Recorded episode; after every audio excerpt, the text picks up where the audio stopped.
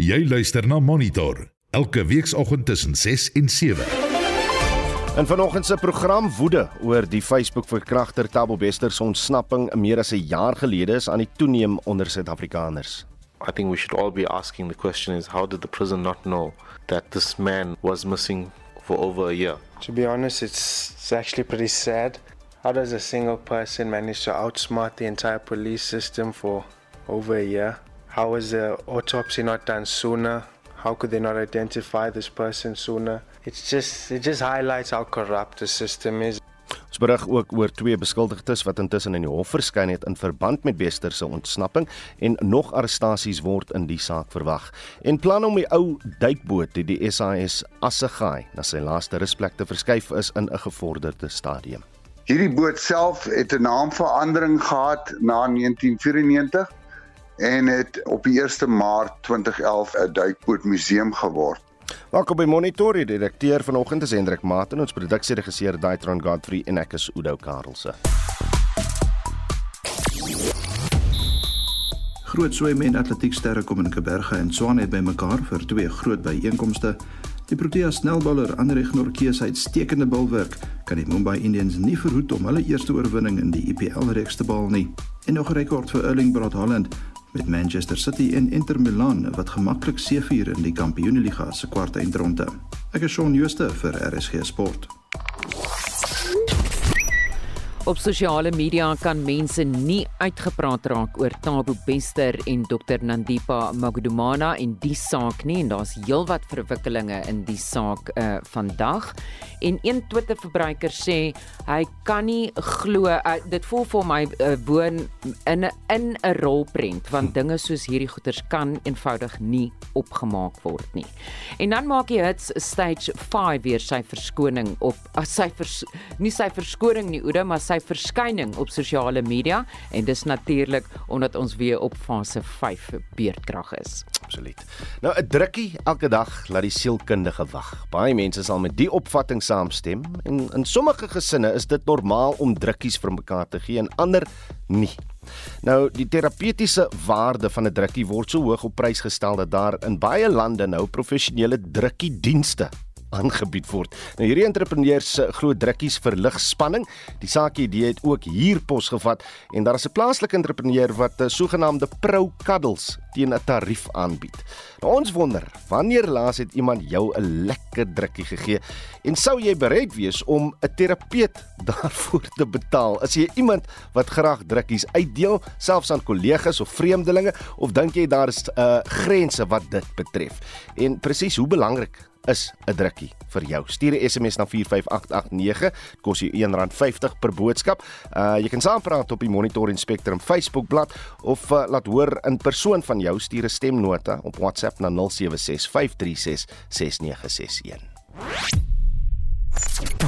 Jy luister na Monitor elke weekoggend tussen 6 en 7. Dis byna 12 minute oor 6. Suid-Afrika het nie 'n ramptoestand of 'n minister van energie nodig gehad om die kragkrisis op te los nie. Dit is die mening van 'n senior navorser by die Energie Navorsingsentrum by die Universiteit van Kaapstad Hilton Trollip. Hy het met ons Mitsi van der Merwe gesels. Volgens Trollip is daar 3 probleme wat by Eskom uit die weg geruim moet word. Die kantoor vir die onafhanklike verskaffing van krag in die departement minerale bronne en energie moet doeltreffend bestuur word.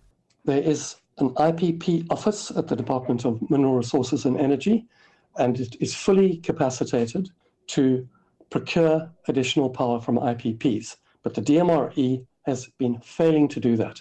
Until it makes that IPP program work, there will be a shortage of generation on the grid and it will be very difficult for Eskom to fix the power stations. So the first thing is DMRE must get the IPP program working. Then when the additional power gets onto the grid, there'll be more space for ESCOM to do the maintenance it needs on the, the power stations. Until then, it's just going to struggle and things will get worse.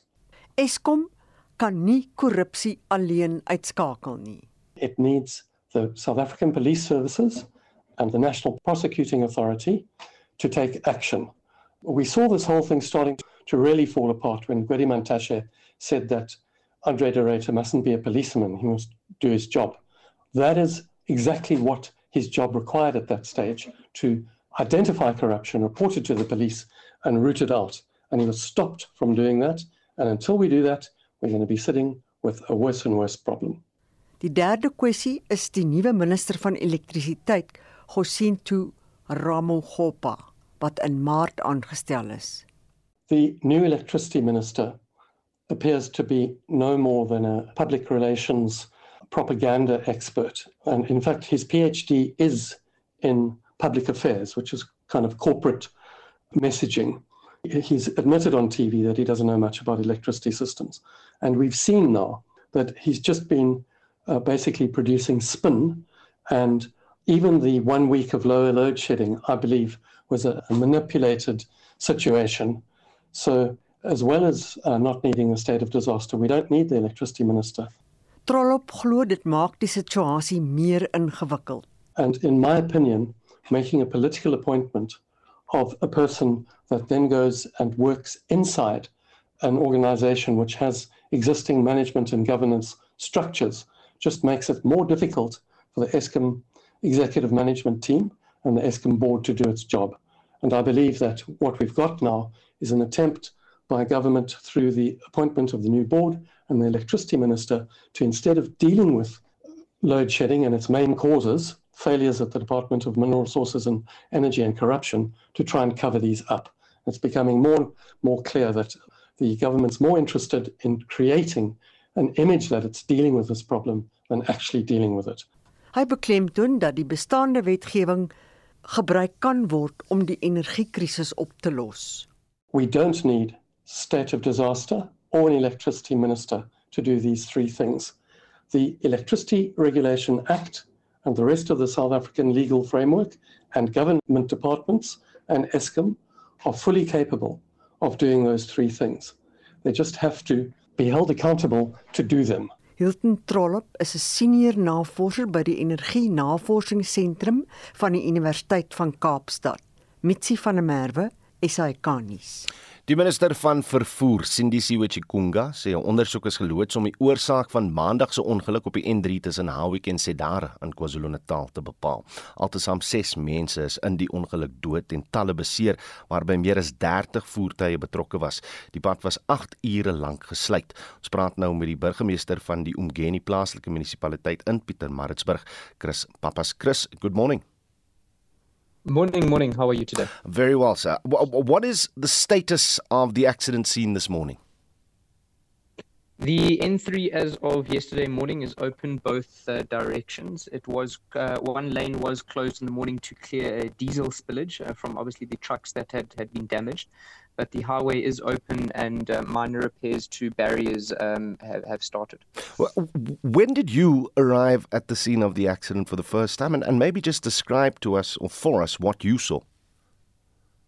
So we split up the, the duties at the on the evening. Uh, my deputy mayor uh, Sandile Mnigati was on scene while I was working at the control center at the municipality to try and coordinate or assist from there.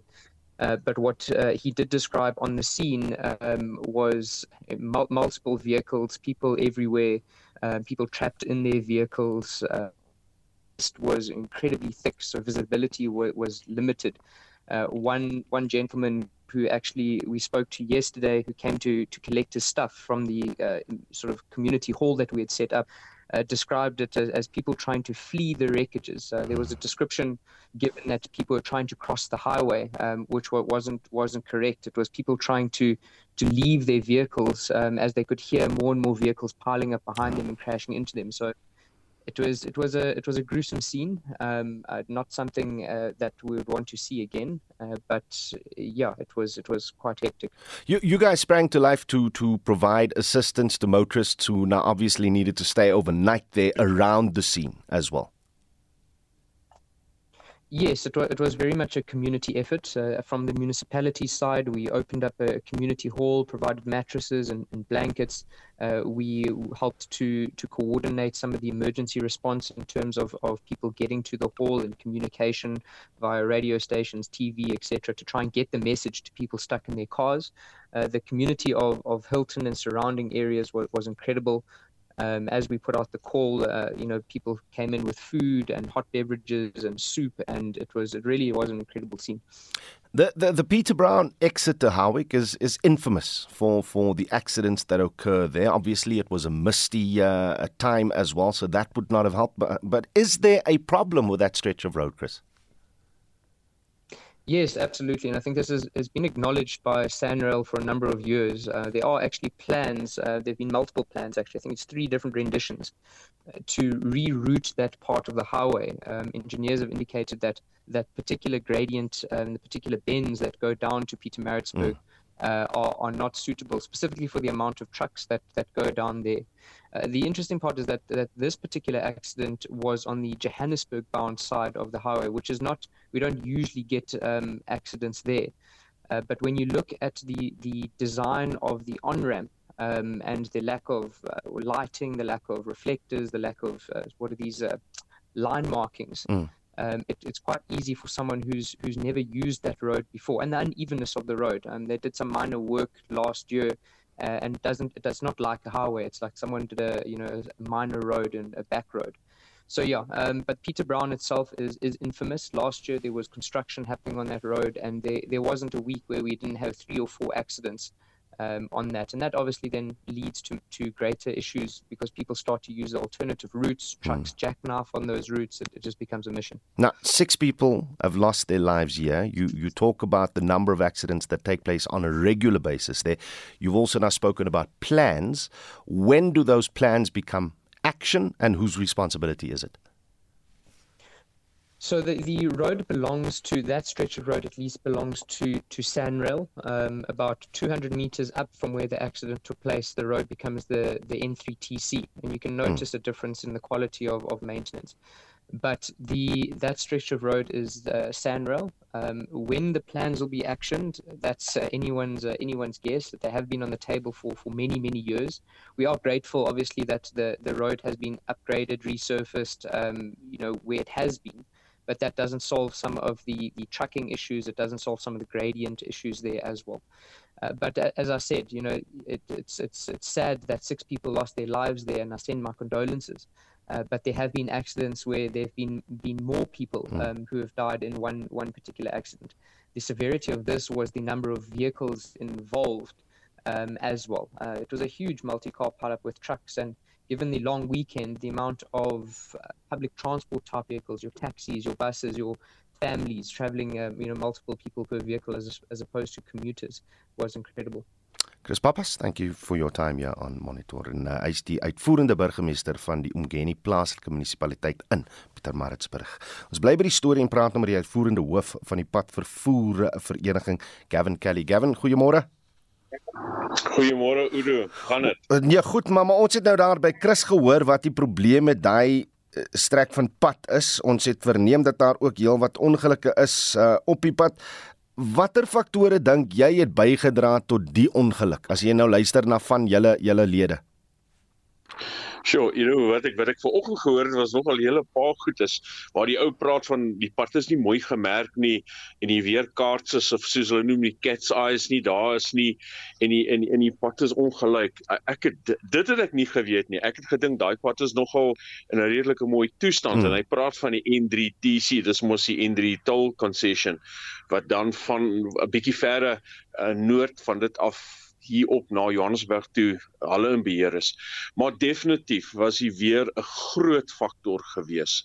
En al jare is daai stuk van die pad al al beroemd. Ek wou sê mm-hmm. bekend, maar al beroemd vir digte mis en dit is nogal 'n ewige afdraande en die ouens ry 'n bietjie vinnig daar en en die mis weer kaarts jou ligte terug na jou toe en as daar nie merking merke op die pad is nie in daai weerkaarts is is nie kan 'n ou dan maar dink dit was 'n resep vir vir 'n ongeluk gewees. Ja. Maar maar ons ouens op die oomblik Uro ons weet nie wat die wat die botsing veroorsaak het nie. So ek wil nie daarin stry nie. Jy, jy weet en en en wat ek altyd gesê het en, en wat ek gister weer gesê het vir vir baie baie radiostasies is ons moet uitwerk wat is die eintlike probleem wat wat dit veroorsaak want soos jy wat jy gehoor het van Pappas as ek die naam reg het hmm. uh is dit sy eerste naam Pappas ja is Chris Pappas O Chris, Chris, skus Chris. Wat ek van Chris gehoor het is is daai stuk pad is is daar aanhoudende botsings en en jy weet 'n ou wil dit nie hoor nie. 'n Ou wil Hmm, wil wil hoor, okay, daar was 'n botsing gewees en dit was die oorsaak gewees en nou gaan ons die oorsaak dan dan aanspreek. So ja, die ons lede sê daar is redelik baie botsings in daai area en en gelukkig was hulle nie groot botsings gewees nie. Daar was was 'n paar waar ouens ongelukkig hulle lewens verloor het en net soos wat Chris gesê het, ons innige meegevoel vir daai families. Maar maar dit kan nie aangaan nie, Udo. Dit dit, dit moet stopgesit en die oorsake moet dringend aangespreek word. Nee, kyk, hulle gaan hy pad nou nie oornag wysig of of of regmaak soos soos julle dit wil hê nie. In die tussentyd, Gavin, kan daar padtekens uh, bygebring word. Wat kan wat kan oor die oor die kort of medium termyn gedoen word om om hy strekpad veral Durban rigting bietjie veiliger te maak? Wel ek sou sê Udo in die eerste plek waar is die is die plaaslike verkeersbeamptes en, en ek wil nou nie jy weet nou nou blameer nie en en, en vingers wys nie. So so ou sou sê word daar een of ander navorsing gedoen op daai stuk? Weet hulle wat daar aangaan? Is die spoed te hoog? As die spoed te hoog is, dan moet hulle seker dan maatreëls tref om om die spoed af te bring. nie. En en dis nie 'n kwessie van boetes gee nie, Mm. want dit werk nie altyd nie. So met ander woorde, is daar goedes wat wat wat mense op die pad kan doen in terme van wetstoepassing of beheer van verkeer. En dan as dit tekens is, tekens kos nie baie nie. Dit dit is mos maklik. Um so ek dink daar moet goeie navorsing gedoen word op daai stuk pad. 'n Navorsing soos in wat is kort, wat moet gedoen word as die padoppervlakte ongelyk is, moet dit dan dan nie iets daar gedoen word nie. Dalk moet hulle kyk of of hulle daai TKC of of of Hmm. daai N3 TC, skus, 'n bietjie verder af sy toe druk met met daai konsessionêers praat om te sien of hulle nie kan help nie. Gavin Kelly, dankie vir jou tyd op Monitor. Hy is die uitvoerende hoof van die Padvervoer Vereniging. 'n Regskenner sê dit is verbasend dat die staat 'n aanklag van moord teen die voormalige G4S werknemer Senoa Matswara en Zolile Sekeleni bygevoeg het. Hulle word daarvan beskuldig dat hulle die Facebook-verkragter Thabo Bester gehelp het om uit die tronk te ontsnap. Sekeleni is die pa van Dr Nandipa Magudumana wat Bester se meisie is. Matswara en Sekeleni het vlugtig in die Bloemfontein se Landdroshof verskyn. Vincent Mofokeng doen verslag. Die NVG glo hulle het 'n sterk saak teen die twee mans wat daarvan beskuldig word dat hulle die veroordeelde moordenaar, Thabo Bester, gehelp het om uit die Mangaung gevangenis te ontsnap. Die voormalige G4S werknemer, Motswara, en sy mede-beskuldigde, Sekeleni, het vlugtig in die Bloemfontein se Landdroshof verskyn. Die twee staan tereg op 5 aanklagte, insluitend om hulp aan 'n ontsnapte gevangene te verleen, regsverydeling, bedrog, moord en brandstigting. Hulle sal op twee afsonderlike plekke aangehou word. Die Vrystaatse NVG woordvoerder is Paladi Shuping. Well, the accused are currently facing five counts, five charges, and one of those charges is murder because the evidence that has been presented to us as prosecution at the moment is that there was a body that was burnt inside a holding cell at one of the units at the Mangaung Correctional Center. Hence, we decided to put that charge against the accused. Die regskenner, Machine Motloung, sê hy het verwag dat die staat 'n klag vir die huisvesting en wegsteek van 'n gevangene wat uit die tronk ontsnap het by die klagstaat sou voeg. Motloung sê dit lyk op die staat nog inligting benodig vir doeleindes van die borgtog aansoek. In this instance, we have a murder charge that has been added.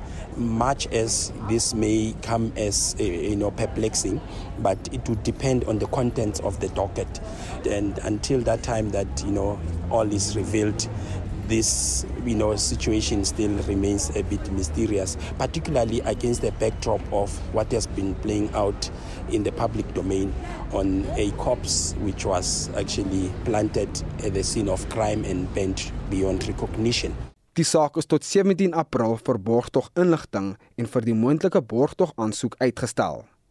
Die verslag is saamgestel deur Kamogelo Sekwi in Bloemfontein. Ek is Vincent Mufokeng vir SAIK nuus.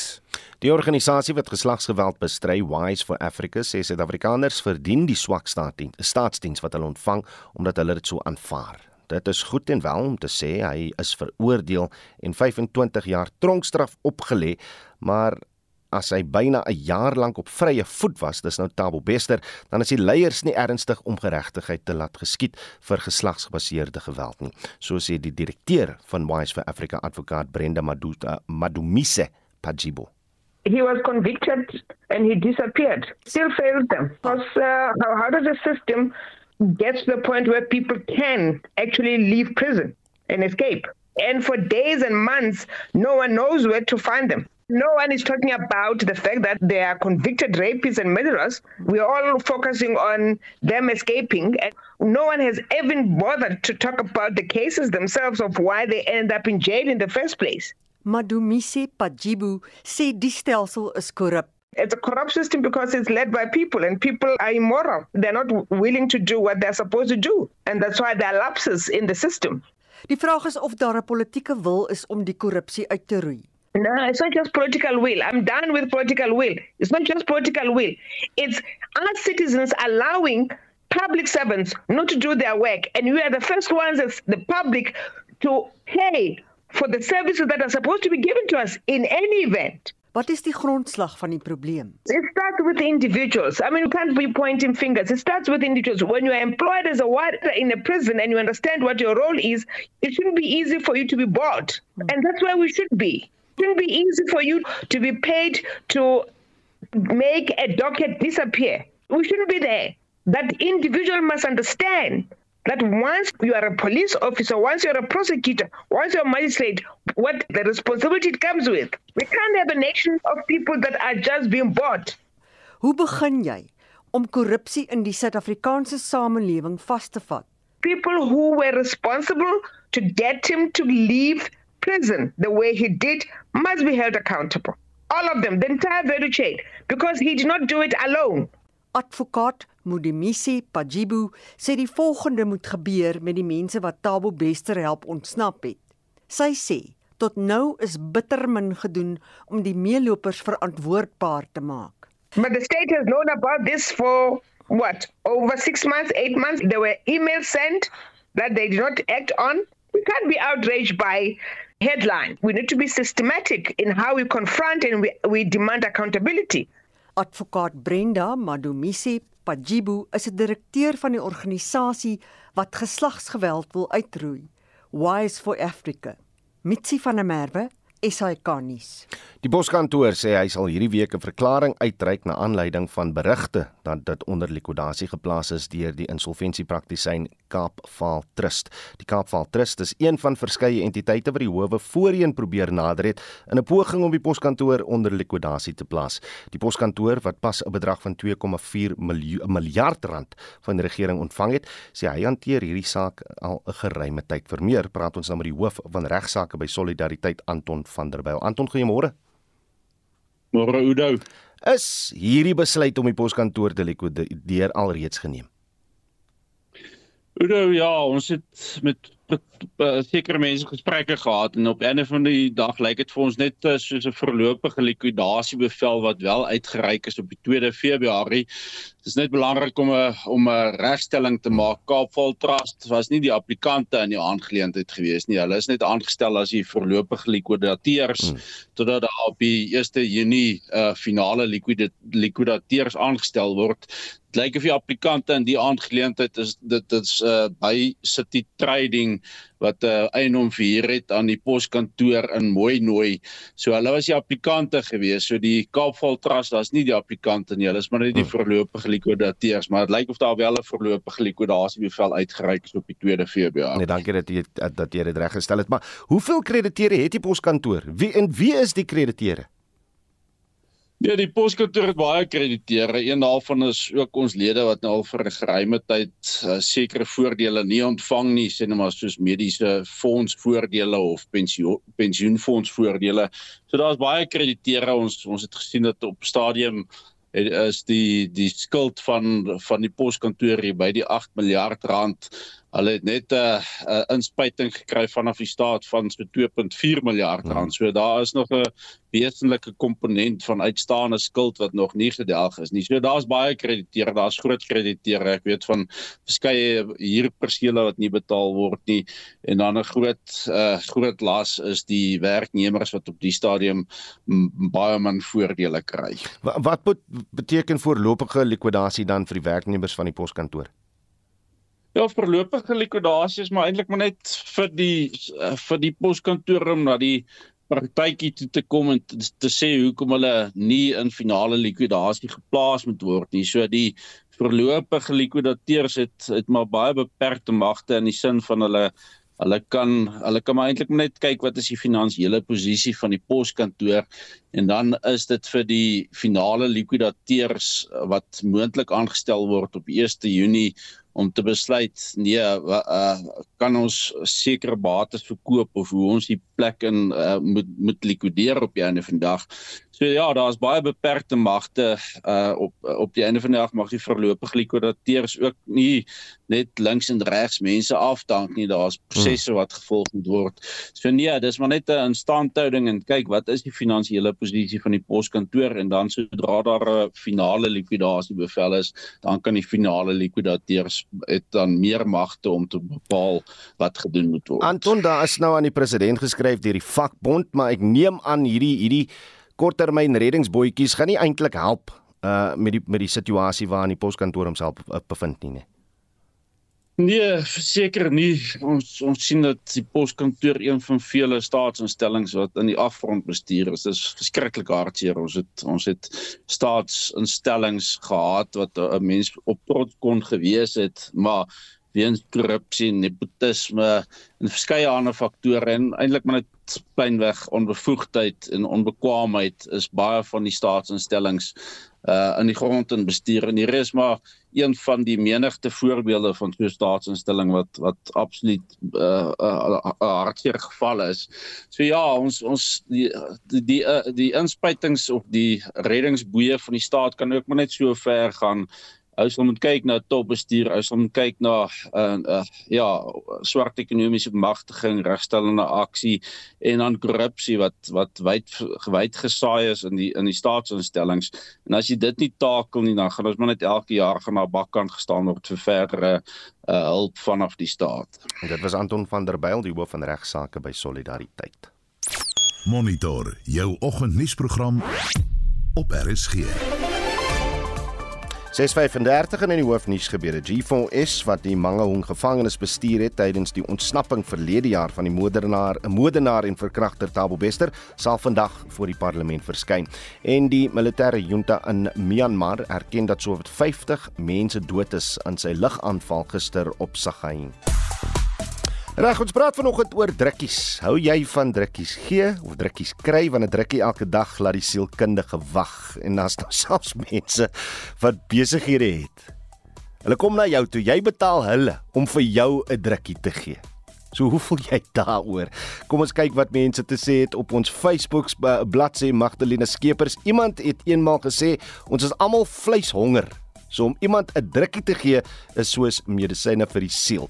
Alta van Rensburg, Labeskagsie, uh, Labeskagnie sê niks so lekker soos 'n opregte drukkie nie en Esme Elof sê beslis waar want my twee getroude kinders woon in die Kaap en ek kan uh, met hulle gesels oor die telefoon, WhatsApp video calls eenmaal per week, maar na so 4 of 5 maande raak die begeerte te groot om hulle te sien, te voel en te druk en drukkies en soentjies te ruil en dan bespreek ek sommer 'n vliegtyg vir 'n kuiertjie. Dit kan net sowel my eie ma gewees het. Dag reeks by Elof. Dankie vir die boodskap. Stuur nog van julle boodskappe, julle SMS se deur na 45889. Kos jou R1.50 per SMS. Jy kan saampraat op die Monitor en Spectrum Facebookblad of uh, 'n uh, WhatsApp stemnota stuur na die nommer 0765366961. Reg Shaun Jooste staan gereed met vanoggend se sportnuus. Môre Shaun. Goeiemôre Oudag. Uh by Berga en Tshwane speel gasheere vir twee groot byeenkomste in die swembad en op die atletiekbaan. Ja, die Suid-Afrikaanse nasionale swemkampioenskappe vind oor die volgende 5 dae in Kaapstad geplaas en 'n asemrowende lys van deelnemers Hoe ek seker gaan toeskouers op hulle voet hou. Die Suid-Afrikaanse sportman en vrou van die jaar Pieter Kutse en Lara van die Kerk is op die lys en ook ander groot name soos Chadwick Lowe, Matthew Seitz, Tatjana Skoenmaker en ook Helen Corbett sluit hulle aan en nog meer die 42-jarige Suid-Afrikaanse legende Roland Skooman wat al 3 Olimpiese medaljes gewen het, maak ook sy terugkeer tot die nasionale kampioenskappe vir die eerste keer sedert 2016 en die swemmers beoog om die span vir die wêreldkampioenskappe in Japan later die die jaar te haal. En dan op die atletiekbaan vind die ASA Grand Prix reeks se eerste van twee bene in Swane by die Tikkies Atletiekgronde plaas. Nou dit daar's 'n lang lys van items wat voorlê onder andere Benjamin Richard die Suid-Afrikaanse Richardson die Suid-Afrikaanse jongeling kom teen die Keniaan en Afrika kampioen Ferdinand Omanyala in die 100 meter te staan Zenay van der Walt ruil die 400 meter rekkies vir die 400 meter naloop Karl Blighnout beoog om sy vorm te herontdek tussen die gewigstoot en Antonio Alcana en Mario Neyfourie is van die gunstelinge in die 110 meter rekkies Reg, kom ons praat bietjie krieket want Andrej Norke was gisteraand uitstekend ge uh, geweest, maar sy span het nog steeds verloor. Ja, dit was 'n naalbyt stryd geweest al was hy nou nie een van die ondersteuners van die uh, twee spanne nie, maar die Mumbai Indians se vier met 6 paltjies teen die Delhi Capitals en dis met die laaste bal van die kragmeting na 19 balbeurte staan Mumbai op 168 vir 4 en die Protea snelbouler Norke kry die taak om Delhi se 172 te verdedig. Nou was dit uh, net die laaste bal uh, verlore uithardloopkans sorg dat Mumbai met die hulle eerste oorwinning van die seisoen wegstap en Delhi natuurlik oorwinning loos. En uh, Chennai Super Kings en Rajasthan Royals pak mekaar vanmiddag 4uur kom ons hoog vir nog 'n albedstryd. En op die sokkerveld sien ek Man City se Erling Haaland jag al wat 'n rekord is hierdie seisoen. Ja, Manchester City het Bayern München gisterand in die eerste been van die Kampioenligga se kwart eindronde met 3-0 afgeronsel en Haaland het sy 45ste doel in alle kompetisies aangeteken. Dis natuurlik 'n rekord vir 'n Engelse Premier Liga speler.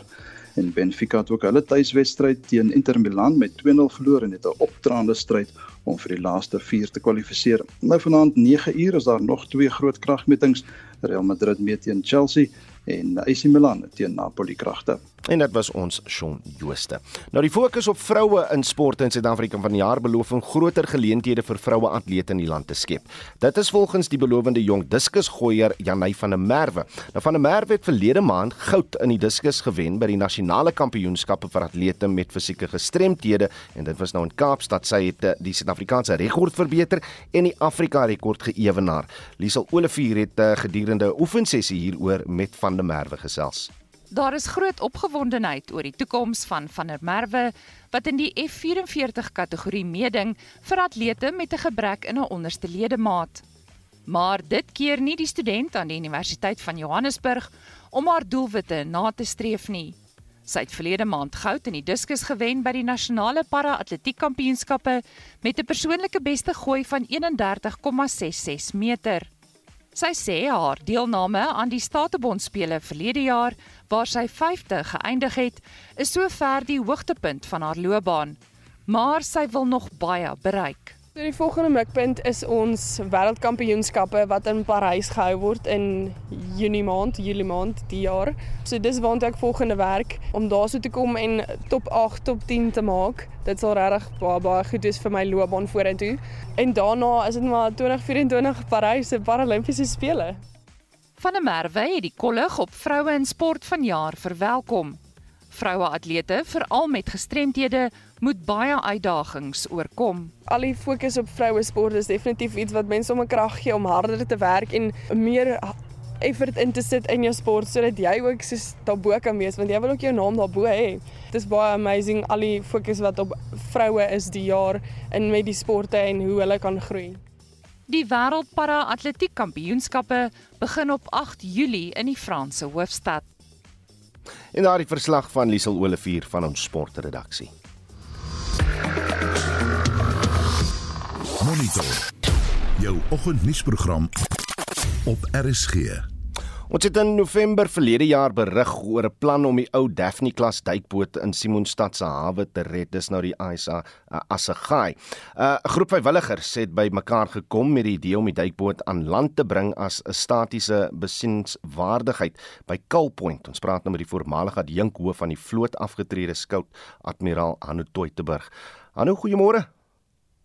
Goeiemôre, hoe gaan dit? Nee, goed man, goed, maar bring ons net bietjie in die prentjie. Waar is die Assegai tans? Waar is hy duikboot? Ons het nogal goed vordering gemaak in die laaste paar maande, sedert November.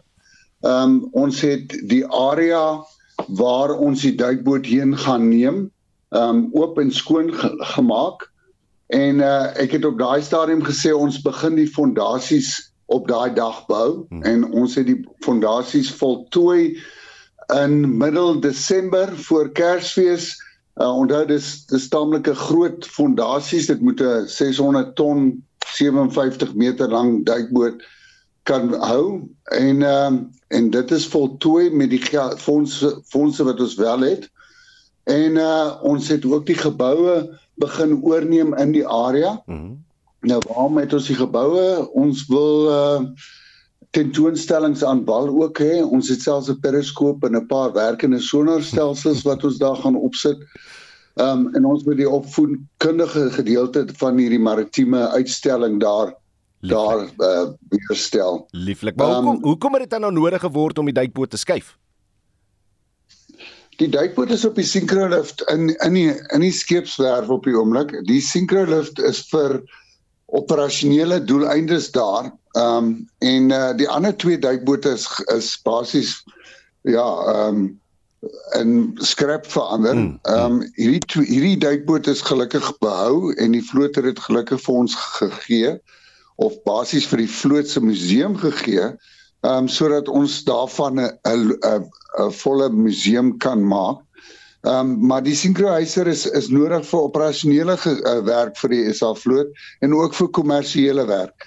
So die die idee is om om ook die duikboot in 'n area of 'n gebied te kry waar die publiek maklik by die boot kan uitkom. Ehm mm, mm. um, en ons kan die ding beheer.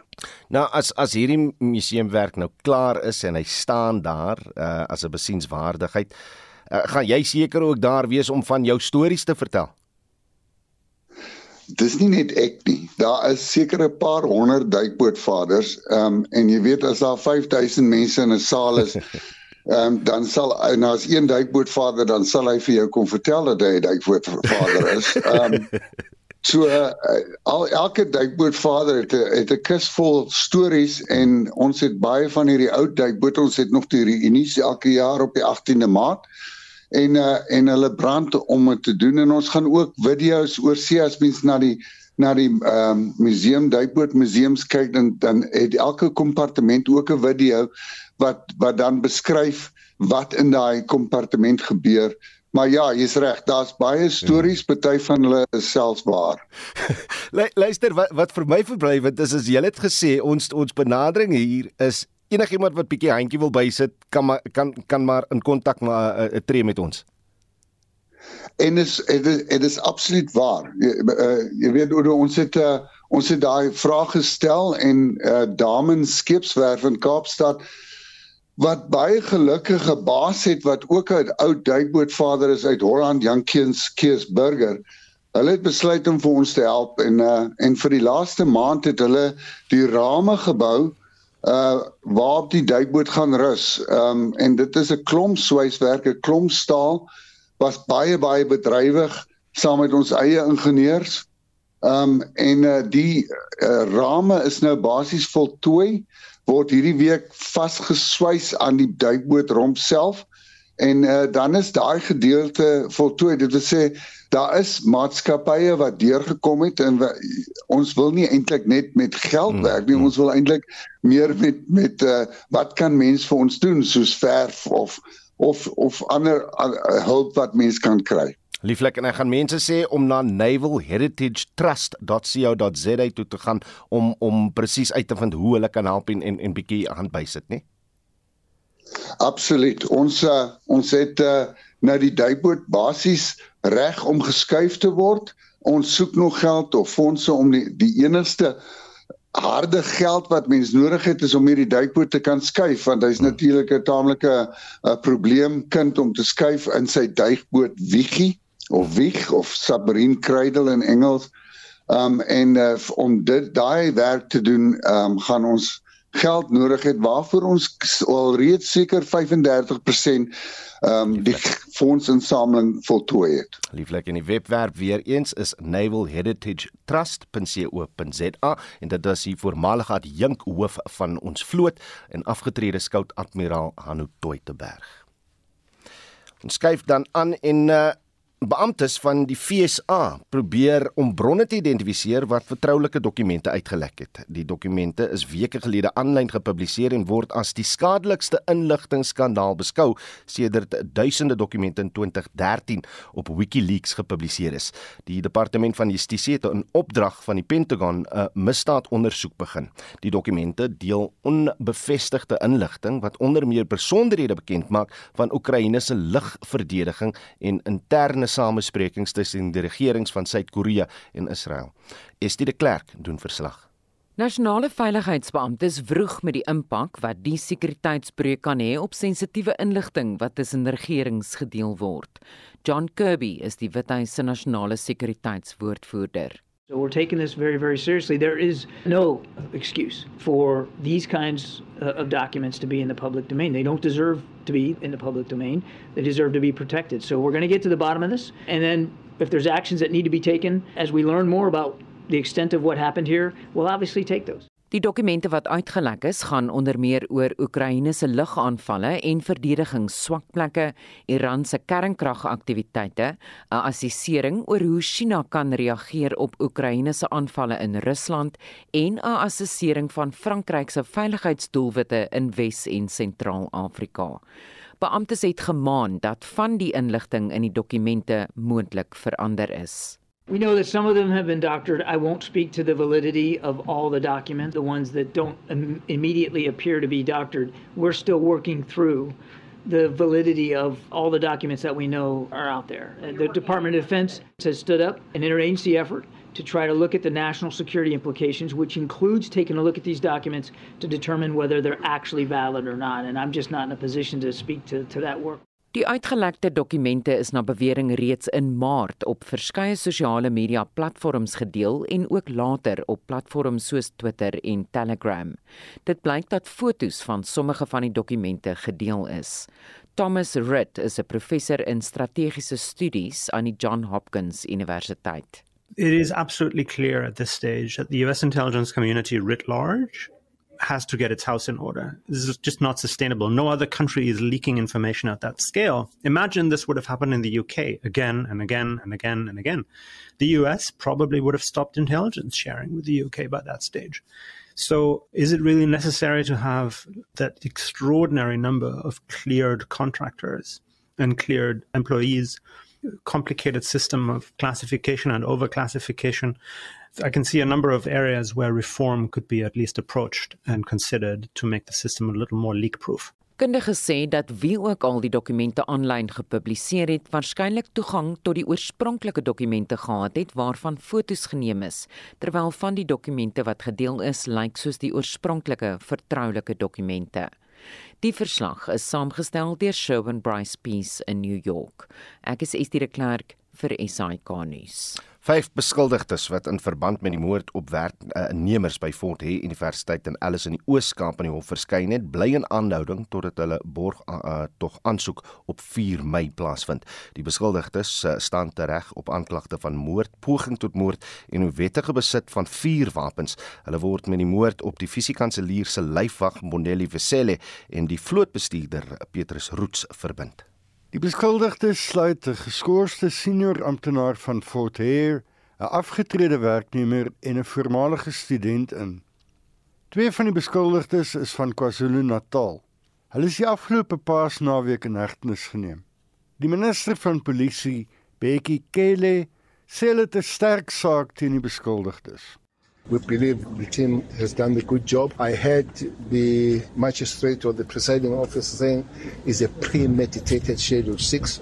That is something serious. You can't just go over it the next day and all that. But how long it will take and all that, maybe that's a question of the next segment of this trial, which is prosecution and all that. But from the side of the police, we believe we have done a good job. Die fisiekanselier van Fort Hare, professor Sakela Buglungu, sê hulle glo die polisie gaan nog verdagtes arresteer. We are very appreciative of the efforts and also of the professionalism of the task team. That I can vouch for. I've seen them. And I'm also very certain now that after these five, more are going to come. Die Fesele familie se woordvoerder, Mzukisi Tunisi, sê hulle is tevrede met die arrestasies. There is people that have been arrested in connection with my brother's murder. But at the same time, this takes us back to when my brother was murdered.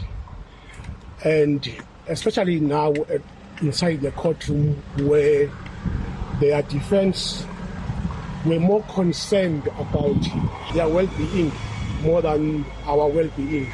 We've lost a brother, the children have lost a father, and now it looks like no one cares about that. Die minister van polisie, Bekkie Cele, sê nog verdagtes sal binnekort in hegtenis geneem word. Hierdie bydra van Sidima Mfeku in alles in die Oos-Kaap en ek is Hendrik Martin vir SAK nuus. En Statistiek Suid-Afrika het die jongste data oor die vervaardigingssektor bekend gemaak. 'n Senior ekonom by die Buro vir Ekonomiese Ondersoek, Lesette Eysel te Skepper, het die data vir ons dopgehou. Volgens Statistiek Suid-Afrika is vervaardigingsproduksie met meer as 5% geval in Februarie 2023. Die 5.2% afname was die grootste een sedert April 2022, toe produksie negatief geaffekteer was deur die vloede in KwaZulu-Natal. Dit was ook die vierde op een volgende maand tot produksie op 'n jaar-op-jaar basis geval het. Voedsel- en drankvervaardiging het met 6,1% afgeneem en het 'n groot negatiewe bydrae gelewer en die vervaardiging van staal, metaal en masjinerie het ook gedaal. Die vervaardiging van petroleum, chemikalieë, rubber en plastiek het met 4,7% gekrimp. As ons kyk na die maand op maand data en ons hou daarvan om na dit te kyk, want dit gee ons 'n goeie aanduiding aan wat gaan gebeur met BBP, het produksie met 1.3% afgeneem in vergelyking met Januarie. As ons vorentoe kyk, en kyk na iets soos die Absa PMI, die aankoop op bestuurdersaanwyser, dan kan Maart dalk effens beter lyk as Februarie, maar ons weet dat die afgelope maande produksie saam beweeg met beerdkrag. Verkope het egter met 8,9% jaar op jaar toegeneem, maar dit is nie aangepas vir inflasie nie. Op sosiale media in Suid-Afrika en internasionaal gons dit steeds oor die Dalai Lama wat by 'n boeddhistiese samekoms aan 'n seun wat na hom toe gegaan het om hom vir 'n drukkie te vra, gevra het om sy tong te suig. Daar is Twitter-verbruikers wat sê in Tibet is dit 'n teken van respek om 'n mens se tong uit te steek, maar ander verbruikers wat sê die Dalai Lama het eenvoudig grense oorgesteek met die versoek met die versoek aan die seun. Die Dalai Lama het in 'n verklaring op sy Twitterblad egter om verskoning gevra aan die seun, sy familie en al sy vriende in die wêreld en gesê hy betreur hierdie voorval. Nou ons praat vanoggend net oor drukkies. Nie wat daarna gebeur nie, net die drukkies. Hou jy van drukkies? Gee hou jy van drukkies ontvang? Want daar's nou mense wat besighede oopgemaak het en uh, op professionele basis vir jou 'n drukkie by die huis kom gee. Dan moet jy betaal daarvoor. Hoe voel jy oor drukkies? Dis wat ons vra. Interessante boodskap van Chris Vreugdenburg op Facebook. Hy sê: "Dis 'n kultuurding. Verlede jaar trek daar nuwe bure langs ons in. Uit die bloute kry ek 'n WhatsApp boodskap dat hulle niks van ons hou nie en niks met ons te doen wil hê nie. Ons was uit die veld geslaan. Hulle het ons absoluut geïgnoreer. Eendag konfronteer ek die uh, buurman amper 'n jaar later en hy sê toe vir my Dis omdat ek sy vrou 'n drukkie gegee het toe ons hulle verwelkom het. Hulle is van Pretoria en ons bly in 'n klein plekkie op die tuinroete. Is dit die geval? Groot kulturele verskille tussen ons as dit kom by drukkies gee of uh aanvaar. Stuur jou ervaring en hoe jy daaroor voel. Uh, julle SMS deur na 4588919 R50 per boodskap. Jy kan ook lekker gesels op die Monitor en Spectrum Facebook bladsy of uh, stuur vir ons 'n WhatsApp stemnota op die nommer 0765366961. Ons groet dan namens ons uitvoerende regisseur Nicoline de Wet, ons redakteur vanoggend is Hendrik Maten, ons produksieregisseur is Daitron Godfrey en ek is Udo Karelse. Geniet die res van die dag in die geselskap van RSG. Totsiens.